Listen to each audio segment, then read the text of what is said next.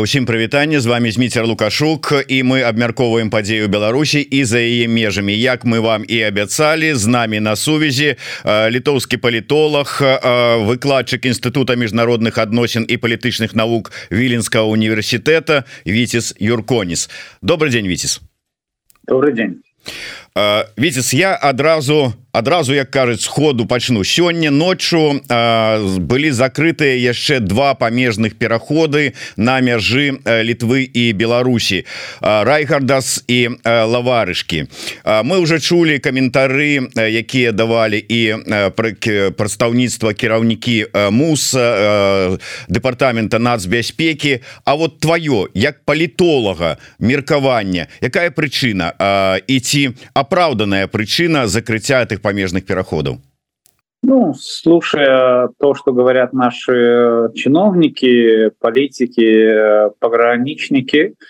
в принципе все довольно обоснованно и в принципе это тоже имеет э, смысл и по поводу того что это еще один рычаг давления на режим мы видели как это болезненно отреагировали в Кремле там Захарова, как э, Лукашенковская вся там среда среагировала на это, что и мы знаем, это слышали уже не раз, это тоже не первый раз, когда закрываются какие-то погранпункты. Ну, то есть основное техническая, как бы техническая задача это снизить поток э, белорусов, э, русских граждан третьих стран, которые пользуются Литвой как транзитной страной. Ну и, конечно, там, если люди приезжают с венгерскими, испанскими, итальянскими визами, ну, довольно сложно контролировать. Это раз, это про поток людей, а про поток товаров тоже. То есть, э, наверняка помните, была история, что там у Литвы на границе не было в какой-то момент сканеров и так далее. Ну, понятно, обеспечить 4 погранпункта сложнее, чем 2. Так что а так или иначе, все связано, мы прекрасно понимаем, ни с Литвой, ни с Польшей, ни с Евросоюзом, а с преступным режимом Лукашенко. Это надо фиксировать, это всегда надо подчеркивать. Если кто-то там страдает очень про железный занавес, давайте смотреть, кто сидит в Минске, освободите Почобута. Польша откроет границы, я уверен. Ну, то есть, по крайней мере, там один или два погранпункта, да? Так что мяч на той стороне, и не путайте ту сторону, где нужно давление давать. Давать давление надо режиму, и Литва это делает. Слова кіраўнікоў вот прадстаўнікоў літвы про тое что гэта один з метадаў барацьбы з кантрабандай і гэта сапраўды. Лукашэнкаўскі рэжым вельмі любіць вот этой гульні ў кантрабанду зарабатывать на гэтым грошы. Але ці не падаецца табе что вот закрыццём таких памежных пераходаў калі по кантрабандзе і ударыць то это вот ну звычайных людзей якія там спрабуюць там у маш машинах нешта перавесці там нейкіх там сотню пачак цыгарет яшчэ что-нибудь а по сапраўднай лукашэнкаўской контрабанде которая там вот шэрыя схемы там вот все вот это вот обход санкций но это мало закране ці нет я помыляюся Ну, Дмитрий, вы скажите, а это нормально маленькой контрабандой заниматься? И в этом вся сущность, как бы, когда говорим э, про некоторых подход некоторых белорусов. Я чуть-чуть, я чуть-чуть посотрудничаю с режимом, я чуть-чуть здесь монетку зарабатываю, то есть гоняя машины из Берлина в Москву, да, и типа, ну я супроть войны. Ну, ну как? Вы обходите санкции, да, вы помогаете режиму. Ну и как, как э, каждое маленькое дело, которое направлено на как бы выгоду эм, режима, но это маленькое дело. Если тысячи это делают, вот и закрытие погранпунктов э, это одно только из рычагов. Синхронизация санкций, про что говорит очень последовательно Литва в Брюсселе, то есть это другое, как бы еще э, механизм, который, я надеюсь, будет осуществлен. Э, мы, конечно, не можем как бы контролировать потоки там в Дубай, Абу-Даби, в Катар, в страны Центральной Азии и так далее.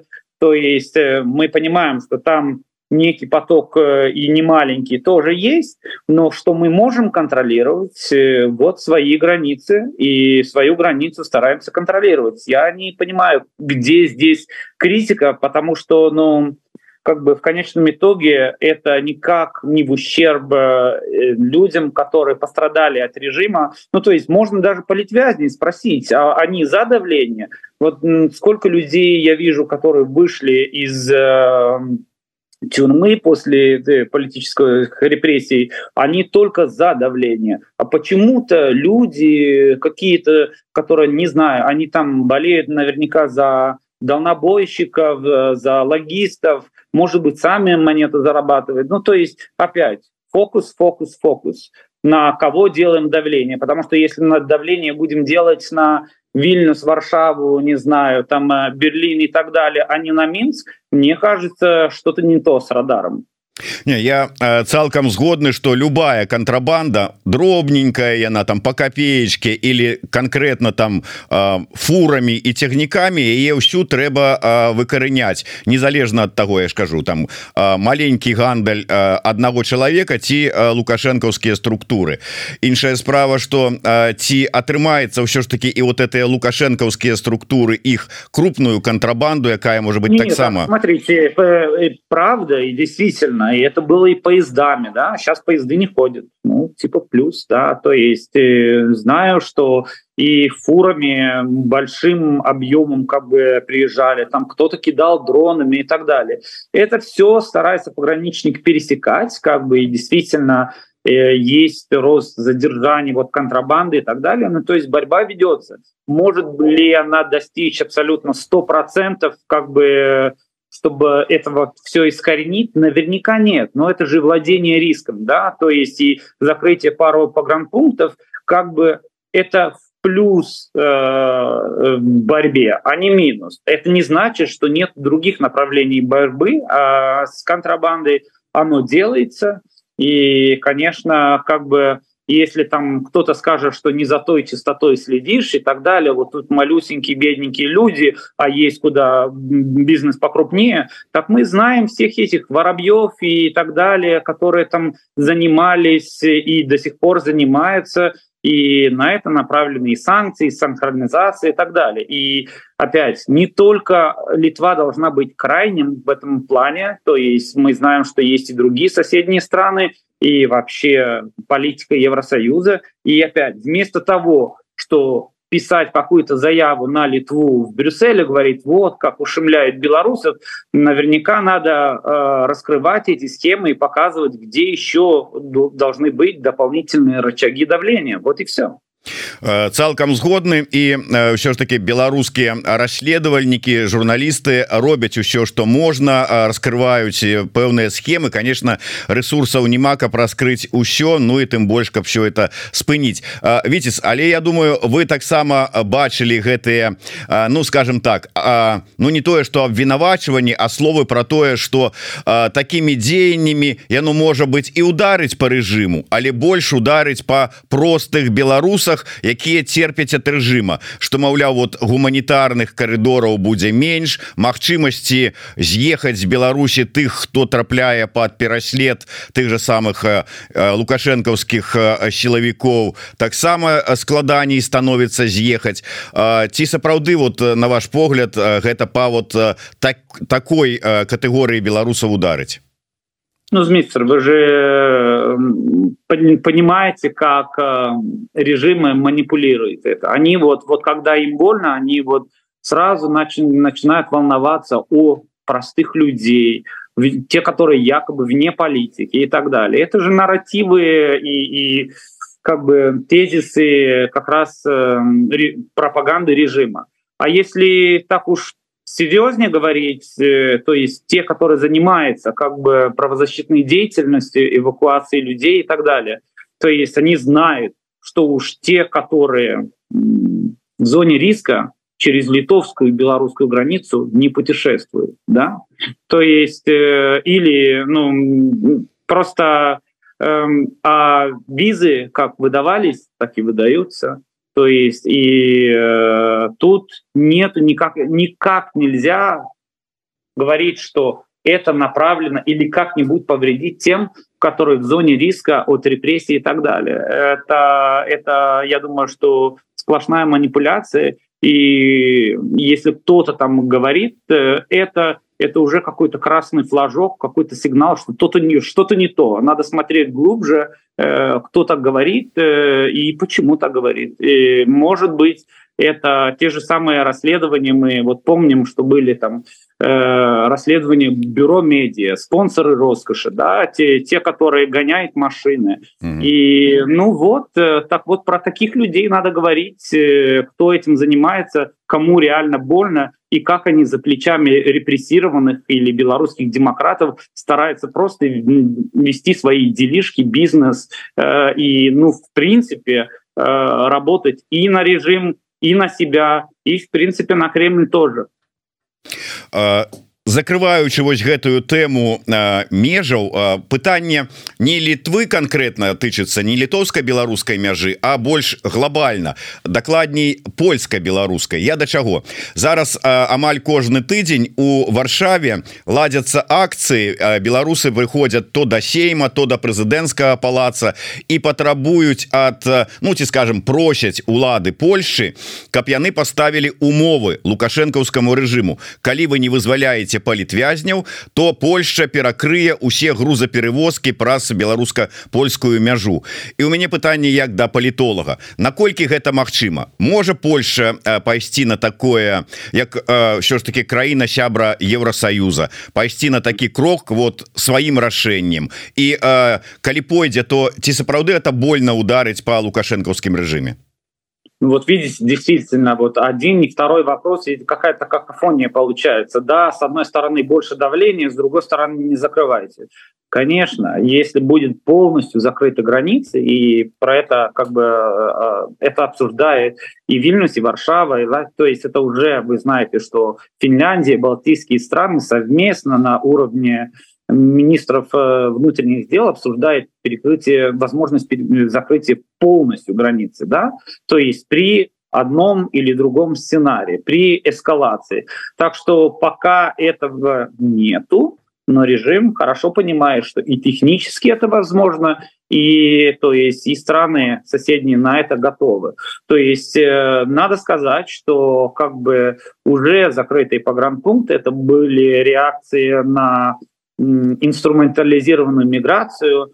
То есть мы также понимаем, что есть некое давление по поводу некоторых политвязней, всех политвязней, но и конкретных, как журналиста Почобута, вашего коллегу, да, то, то есть и тут э, опять э, как бы как я не исключаю, что такое возможно, потому что еще более жесткая позиция, еще перекрыть все товары, несмотря на ущерб какой-то бизнесу и так далее. Но самый большой ущерб для Польши, для Литвы – это война в Украине. Самый большой ущерб для белорусского народа – это политвязни. И мы знаем, что некоторые из них умирают в тюрьмах. Да? И ну, имея в виду это, я не исключаю, что позиция может стать еще жестче.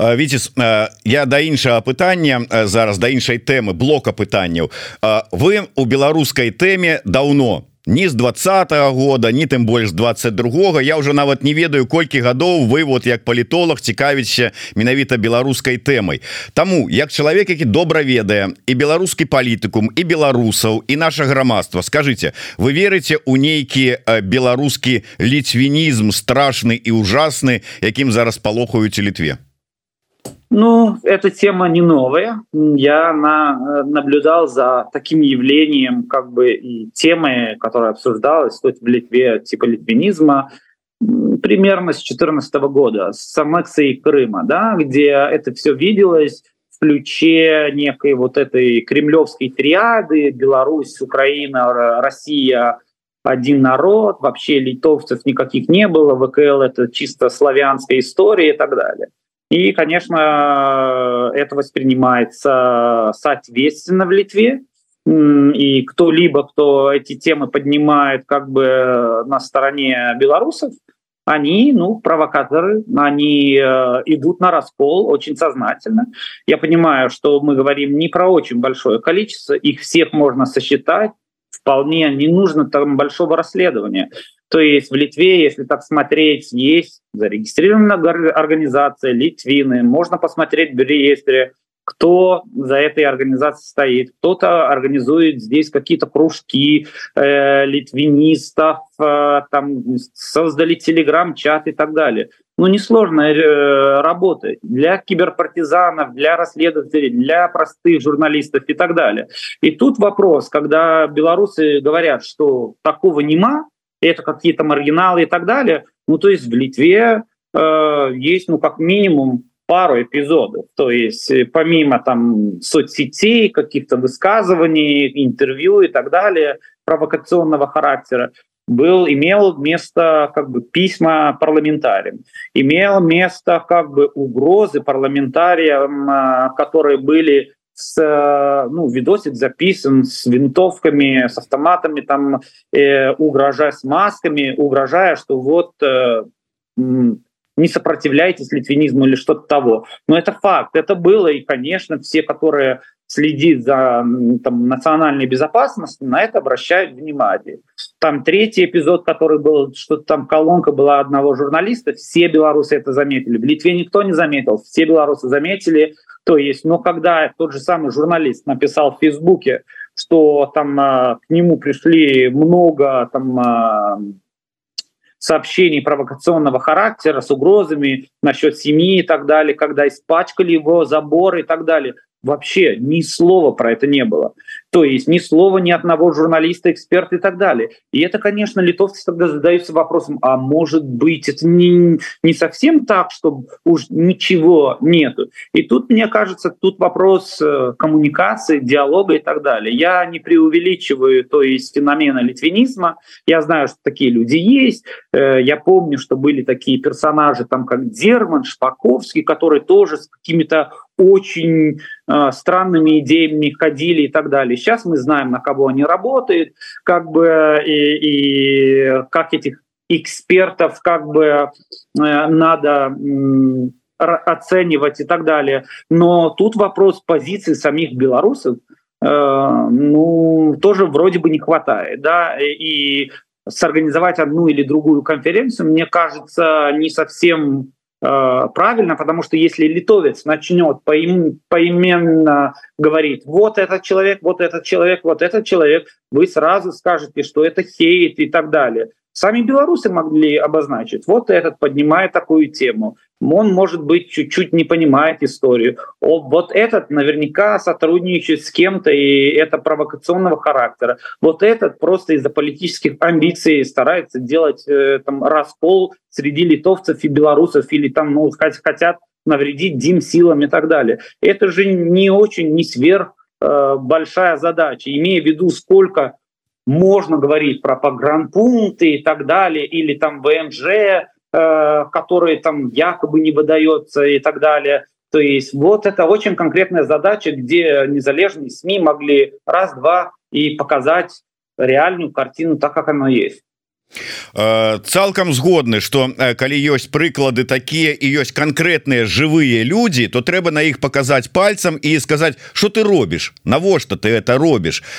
Іншая справа что вельмі часто з'яўляются нейкія допісы на фотке нейкі там чалавек. І мы спрабавалі нават вот было недавно даведацца хто гэты чалавек і как бы ніхто яго не ведае. І ўзнікае пытанне наколькі гэта ўсё ж такі рэальныя люди хотя ёсць і такія згодны але наколькі масавасць гэта рэальныя люди а не правакацыі нейкіх спецслужб?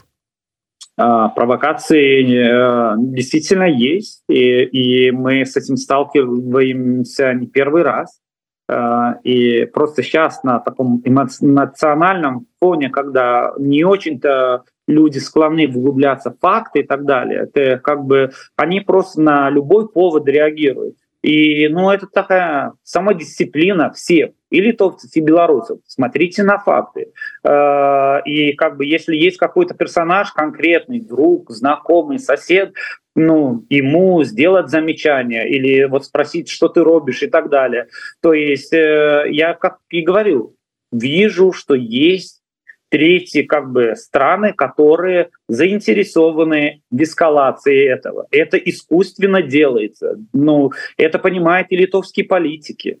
Как бы, но, но вот как и по одному провокационному персонажу, который в Facebook, я так понимаю, был нереальный, да, э, ну, фейковый какой-то аккаунт, и киберпартизаны там вроде бы сказали, что фейковый аккаунт, вот э, посмотрели глубже. Ну, всегда можно посмотреть глубже на конкретные эпизоды и отличить, где вот там вот просто кто-то боты или там тролли посылает, а, а где вот, ну, есть же фото с тягами Литвины, да, э, ну вот спросите этих людей. Некоторые из этих людей даже не белорусы, они граждане России. Хотя, ну, э, и, и ну, если я знаю, то белорусы тоже должны это знать. Как бы некоторые из них даже не в Литве живут, они живут в Польше. Ну, так и, и вот тогда спросить надо очень конкретно, не отходя от кассы, почему так делаете? Э, почему вот э, стараетесь вредить белорусам,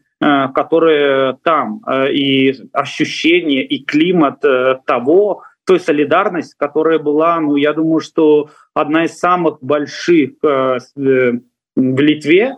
Ну и вот сейчас этот эмоциональный фон, мне кажется, исхожает картину. Не реальность, а картину.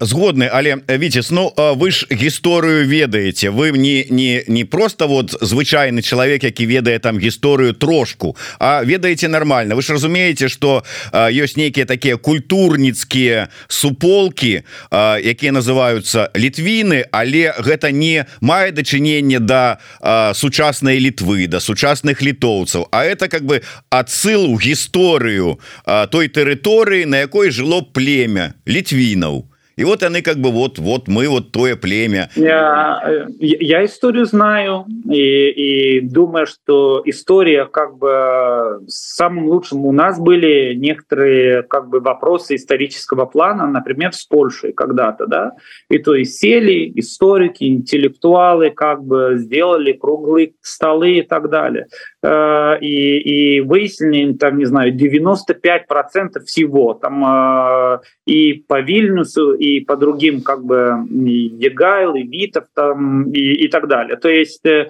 Люблинской унии. Э, и мне кажется, тут никаких противоречий нет. У нас сейчас большой, огромнейший шанс, то есть действительно не через соцсети, не через э, какие-то посылы провокационного характера или какие-то разборки, а сесть в интеллектуальной среде, как бы и по поговорить про историю, сделать совместные проекты, совместные книги и так далее. И я знаю, что некоторые этим занимаются. Как бы были и попытки там Беларусь, Конгресс белорусских исследований в Каунасе делались не раз и так далее. И знаю, что есть и, и, и институт истории, там профессор Ник Жентайтис, который с белорусами общается и конференции делает. То есть это делается, но почему-то, по большому счету, разговор не среди историков или не там журналисты говорят, говорят не с историками, а говорят ну, про вот какие-то вот фейки, провокации и так далее. И там суполки, кружки, может быть, да, но их тоже надо эдуковать. Ну, потому что там, э, когда ну, доходит до некой профанации по поводу там деления того или, э, или другого отделение какой-то линии, где там проходит Беларусь, Литва, там Беларусь, Польша, Беларусь, Украина и так далее.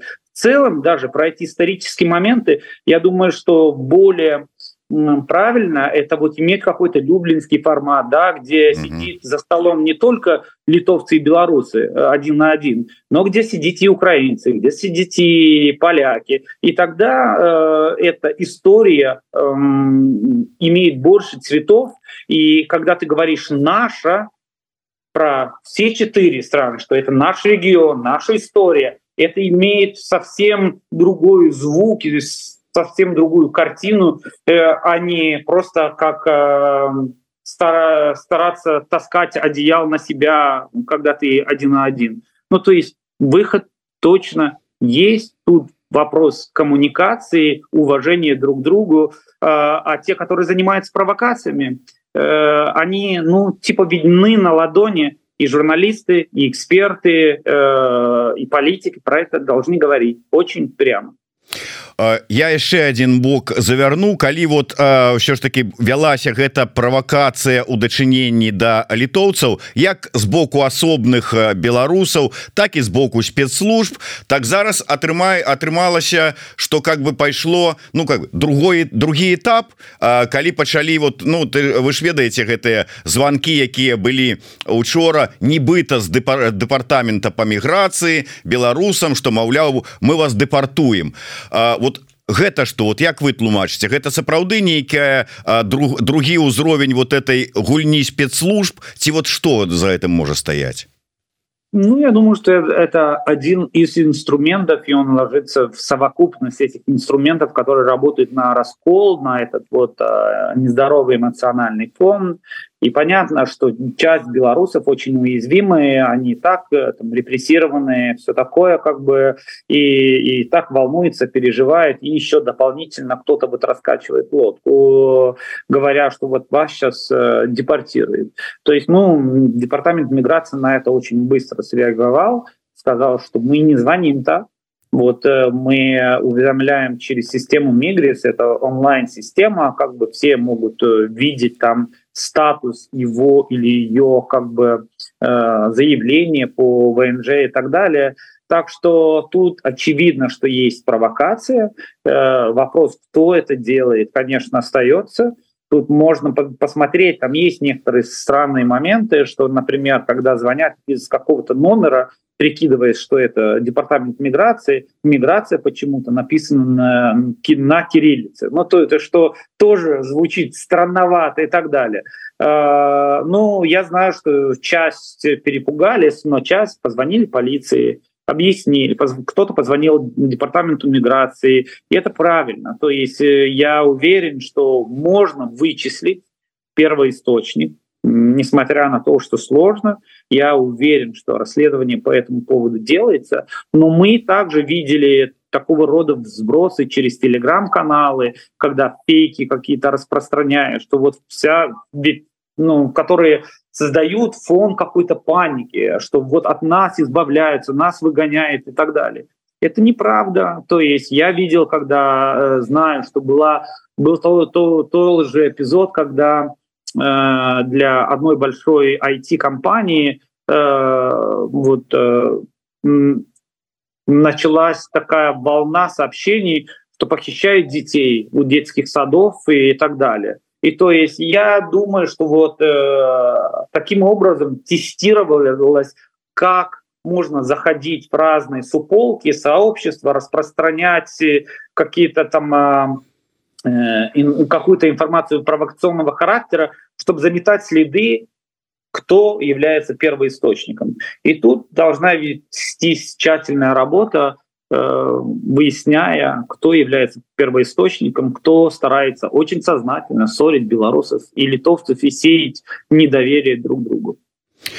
Ну да вот дарэчы я глядзеў учора на радыёвабоду калегі рабілі інтэрв'ю з экспертам фінскага інстытута замежных справаў. І задалі вот таксама вот гэтае пытанне хто за гэтым можа стаяць якія спецслужбы. І ён кажа я не думаю что там ФСБ расійская мае до да гэтага дачынення вось конкретно до да гэтай сітуацыі беларуска-літоўскай у літве вот этих правакацый двухбаковых что это маўляў КД КДБ а расіянам зараз не до таго ім это не трэба івогуле яны пакуль што не хочуць напружваць адносіны с краінай НАТО літвой. Як вы думаете мае сэнс вот гэта выказывание что типа вот это что тады атрымліваецца КДБ такое вот ледзь не ўсемагутнае что яно можа і натравіць беларусаў на літоўцаў літоўцаў на беларусу Это же несложная задача, по сути. Особенно если э, как бы отсутствует некая грамотность у некоторых людей, потому что мы говорим про как бы очень разные группы людей. То есть тут есть те, которые пострадавшие, там э, демократы, есть IT-сектор, есть дальнобойщики, э, те строители и так далее. То есть им закидываешь какие-то там, сбрасываешь какую-то информацию, чтобы они волновались и так далее. Они не настолько хорошо интегрированы, чтобы могли Э, там, проверить это со своими знакомыми там, литовскими институциями и так далее. Нет доверия вообще в культуре проверять информацию с институциями, да, если ты из Беларуси и проверяешь в каких-то телеграм-чатиках. Ну и вот и создается такой echo chamber, где все вот э, буря в стакане, где все воспринимают, что все началось, да, э, Э, также я не думаю, что Кремль не имеет э, в этом интереса. Это довольно простая задача. И это как и с дезинформацией.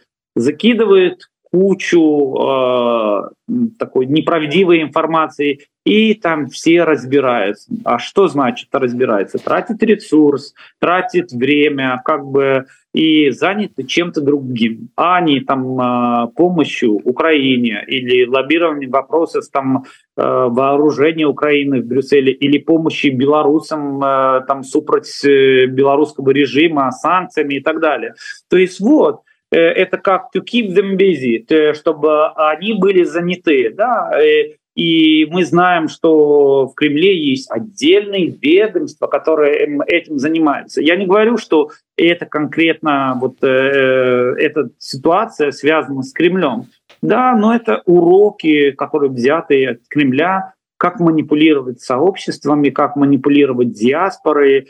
И это делается, потому и говорю, грамотность, дисциплина и противодействие ну, э, этому Э, не опираться на эмоции, проверять факты и ну, стараться найти точки доверия среди белорусов нам. И если э, говорим про белорусов, э, среди литовцев, да, где какой-то белорус, не знаю, Лукашук, может вот имеет приятеля, который занимается белорусскими вопросами, Витису звонит и говорит, вот как есть. Ну, э, и СМИ то же самое может делать, а не звонить там какому-нибудь эксперту белорусскому в Польше, который никогда не был в Литве, но имеет очень хорошее представление, что вот белорусов ушемляют э, в Литве. Ну, ну, ну, боже мой, как-то такое могло случиться. Добра э, Витис у таким выпадку як спецыялісту і адметнаму чалавеку які в прынцыпе разбіраецца вельмі добра чым жыве літоўскае грамадства чым я якія ў яго ёсць радасці і страхі скажи мне калі ласка ёсць такое меркаванне что вельмі шмат беларусаў приехала пасля двадцатого года і а, літоўскае грамадства ну крыху напружылася что маўляў ну вельмі шмат беларусаў не ўсе можа быть імкнуцца інтэгравацца не ўсе хутка вучаць мову А можа хтосьці і не хоча вучыць літоўскую мову. І грамадства троху напружылася что ну слухайте надта вас шмат нас самих немного і тут вас еще прыпёрлась шмат. Ну очевидно, что русской речи э, в Вильнюсе больше в разы, так кажется. И понятно, что 60 тысяч белорусов, там 80 тысяч украинцев, то есть еще там десяток э, наверняка русских. И для города полмиллиона это ощутимо, да. И на это как бы и э, рынок недвижимости, там аренда выросла и все такое, как бы, но русская речь чувствуется. И люди, честно говоря, не очень-то отличают, где белорус, где русский, где украинец. Я знаю эпизодов, где кто-то там начал критиковать э, украинцев там из Крывы Рога, например, да, что что вы там русские, возвращайтесь домой, говорит, да я украинка, да, то есть э, так что имеет место вот такие какие-то эпизоды, но они единичные, то есть по сути все как бы борьбу за демократию, права человека, свободу поддерживает, э, то есть ничто в политическом плане не поменялось, э, а тут вопрос уважения друг к другу, э, оно есть. Я знаю, белорусы стараются некоторые сказать «лабадена», «ачу» и так далее. И это уже это небольшая попытка как бы показать, что мы стараемся, кто-то учить язык. Я знаю, что некоторые уже и выучили очень неплохо. Так что тут опять вопрос некого разговора, доверия, диалога, Э, нету такого, что отвернулись от белорусов. Да нет, иногда кажется, что ну вот э, я слышу, там белорусы говорят, уже нас не любят. Неправда. То есть есть факты, которые показывают, вот, например, там выдали э, гуманитарный ВНЖ сейчас на три года, не на год, как раньше. Да? Литва была одна из самых первых, если не первая, которая начала выдавать паспорта иностранцев, э, когда вот э, запретили выдачу паспортов в консульствах белорусских. Да? Так что, то есть помощь там и в Брюсселе, и в Женеве, и в Вене до сих пор э, ведется, то есть э, диалог поддерживается с двем силами. Я не вижу как бы оснований говорить, что любви меньше. Но иногда кажется, что мне создается, ну потому что, да, много журналистов звонят, и, и постоянно что-то пинает, что-то им кажется, что вот в Литве уже, а литовцам кажется, что их уже не любят, что, что вот-вот э, мы э, уже тут и, и подразумеваем, что само собой by default э, мы должны болеть за Беларусь. Мы сейчас, конечно, приоритетом номер один это поддерживать Украину, но как поддержка Беларуси, она, она не исчезла и не будет исчезать на политическом уровне, несмотря на то, что приближаются выборы, э, будет меняться власть, наверняка хотя оно менялось и в 2020 году, когда некоторые белорусы были, и тут, и, и тут э, ничего особо не менялось. Так что не надо обращать внимание на одного или другого политика, высказывание это и воспринимать это, ну, Литва это не Беларусь. Там говорит ни один политик, ни один там человек. То есть у нас 141 парламентарий, и у них может быть разные подходы. Но самая большая, и тут надо очень разделять группы. Есть группа белорусских демократов, IT, и, и они не такие уж большие группы. Самый большой, большой пласт — это дальнобойщики, строители и так далее. Там порядка 40 тысяч плюс. И тут есть вопросы. Нету ли там людей, которые там а, русский мир, Крым наш, э, э, там, пособники или фанаты режима и все такое как бы и с этим вот э, разбирается анкетирование, просмотры, ВНЖ, все такое. И мы видели, что был один полицейский, который бил протестантов в 2020 году. И я думаю, что это будет шансов для, шансом для белорусских демократов сказать, ну, может быть, мае сенс то, что литовцы робят, потому что э, как бы это не только вопрос национальной безопасности Литвы, но также и нашей безопасности. Так что я здесь как раз вижу э, потенциал для общей работы, потому что ну, в конечном итоге у нас всех э, противник один. Это Лукашенко и его режим. Ну так таким чынам можно сказать что калі вот пачынаюць говорить Ой зараз там объявілі у літве что проверят 18 тысяч выданных раней там ВНЖ то размова ідзе найперш про вот эту вот катэгорыю про якую вы казали. Это дальнабои там будаўнікі все астатнія это не тычыцца людзей дэмакратычнай супольнасці і тых хто под ціскам рэпрэсій з'ехаў пасля двадцатого года Ну, даже если я не будут проверяться, как и все белорусы, да, как бы, но с ними не будет никаких проблем. То есть я вообще не слышал, кроме там э, вопросов или задержек технического плана, где-то кто-то там подал заявление на ВНЖ только месяц до или там две недели до, ну тогда может быть какие-то задержки. Но чтобы Литва высылала сознательно белорусского демократа на риск Беларусь, ну, ну, не было такого, да, то есть, несмотря на то, что СМИ иногда не проверяя факты про это говорили, то есть, э, но, но если так смотреть, люди с гуманитарным ВНЖ, э, ну, их не заставляли уезжать в Беларусь-то точно. Бывало, что надо было выехать э, в какую-нибудь условную третью страну, там в Турцию, например, чтобы получить шенгенскую визу, что при возвращении иметь право взять продление ВНЖ. Ну, но это эпизоды, из этого делать как бы вывод, что вот всех белорусов выгоняет, мне кажется несправедливо. Витис, я коротко, я ведаю, что вы спяшаетесь, коротко, э, два, два момента просто.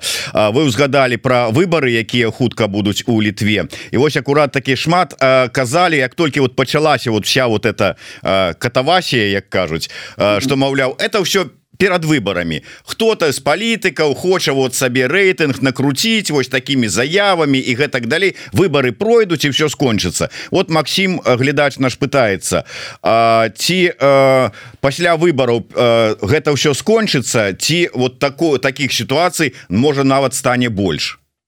Ну, первым делом это не про выборы все-таки, потому что обсуждалось огранич... обсуждались ограничения и в прошлом году, то есть еще далеко до выборов, и погранпункты закрывались еще до выборов. Так, так что ну, вот этот аргумент должен показывать, что это как бы политика, где э, есть ряд институций, чиновников, которые стараются решить этот как-то вопрос.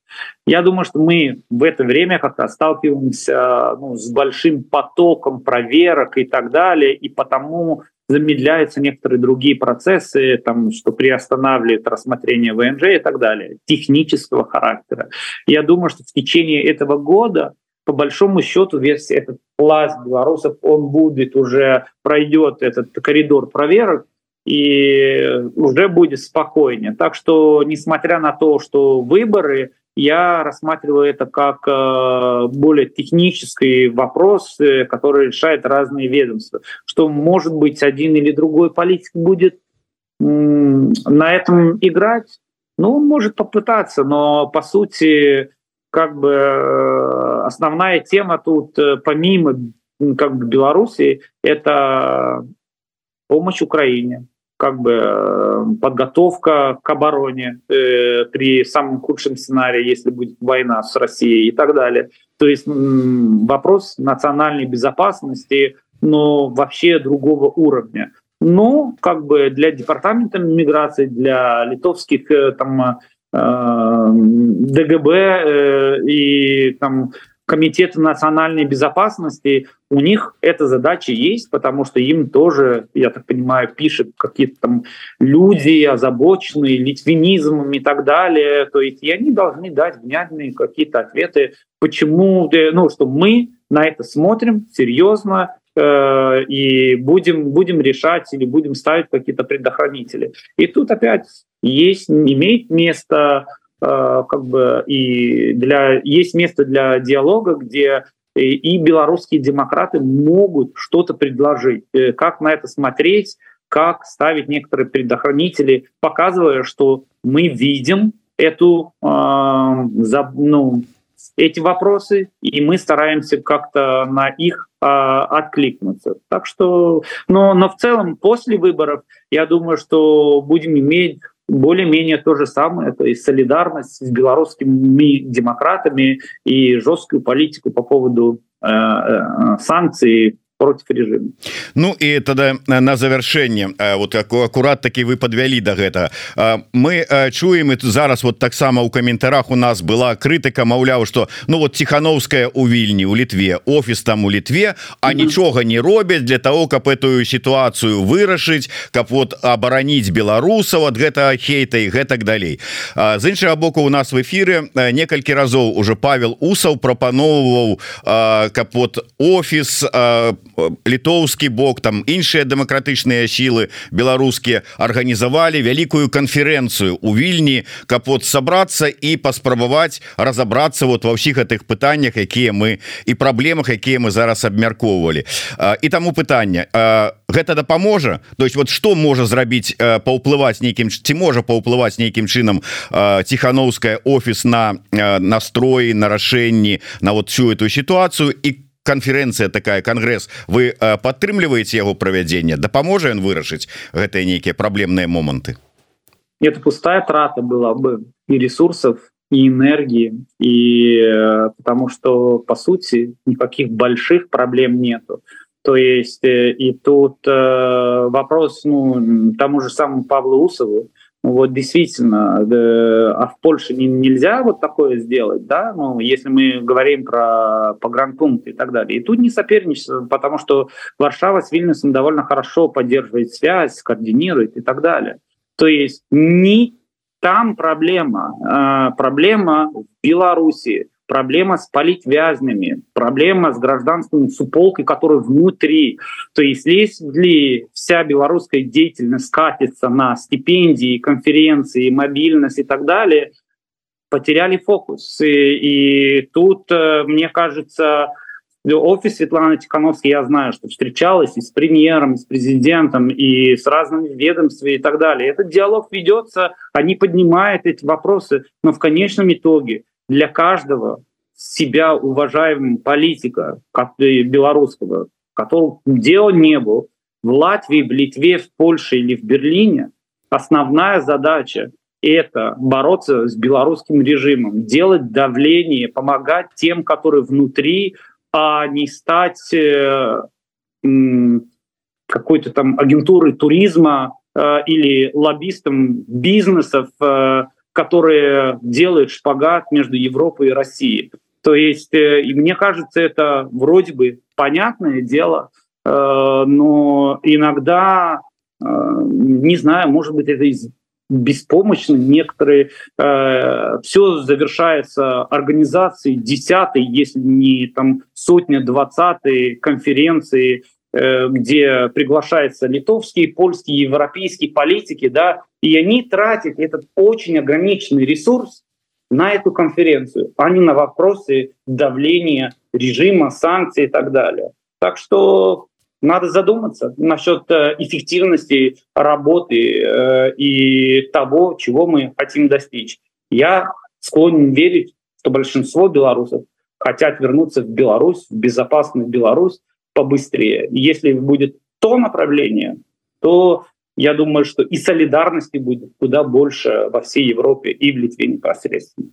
Тады э, вот ваша парада як человека сбоку хотя и не сбоку чтоб вы параілі что трэба найперш зрабіць каб вот у гэтай ситуации ну поразумецца знайсці как бы нейкіе такія агульныя моманты і наблизіць нашу агульную перамогу Ну, э, я думаю, что синхронизация санкций – это номер один, что должно быть, потому что есть час людей э, в окружении Лукашенко, которые богатеют из-за обхода санкций, из-за того, что Беларусь является транзитом санкции, это было и раньше, то есть э, давление режима, то есть, и, то есть это и вопросы универсальной юрисдикции, и санкционных списков, э, реакция, которая должна быть куда более быстрая. То есть затрымали э, архитекторов, кто затрымал весь список с, э, санкций, да, то есть э, дело против экспертов э, также, как бы сделать, э, и, и это робится, но робится как бы довольно эм, как бы не быстро, э, и темп, и ответ. Э, то есть потому что, по сути, самая большая проблема в Беларуси — это вот это чувство безнаказанности.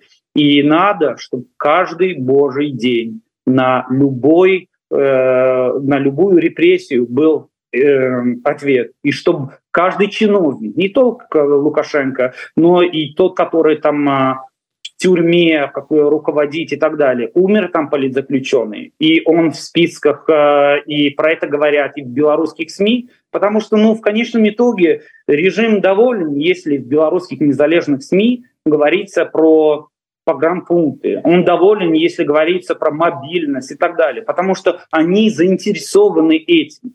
Так что давление по полной, и я думаю, что Литва это делает довольно последовательно, и надо просто, чтобы мы не остались одни, э, как это было там, по вопросу Островца и, и, и другими вопросами, когда мы блокировали там, российский и европейский диалог в 2008 году.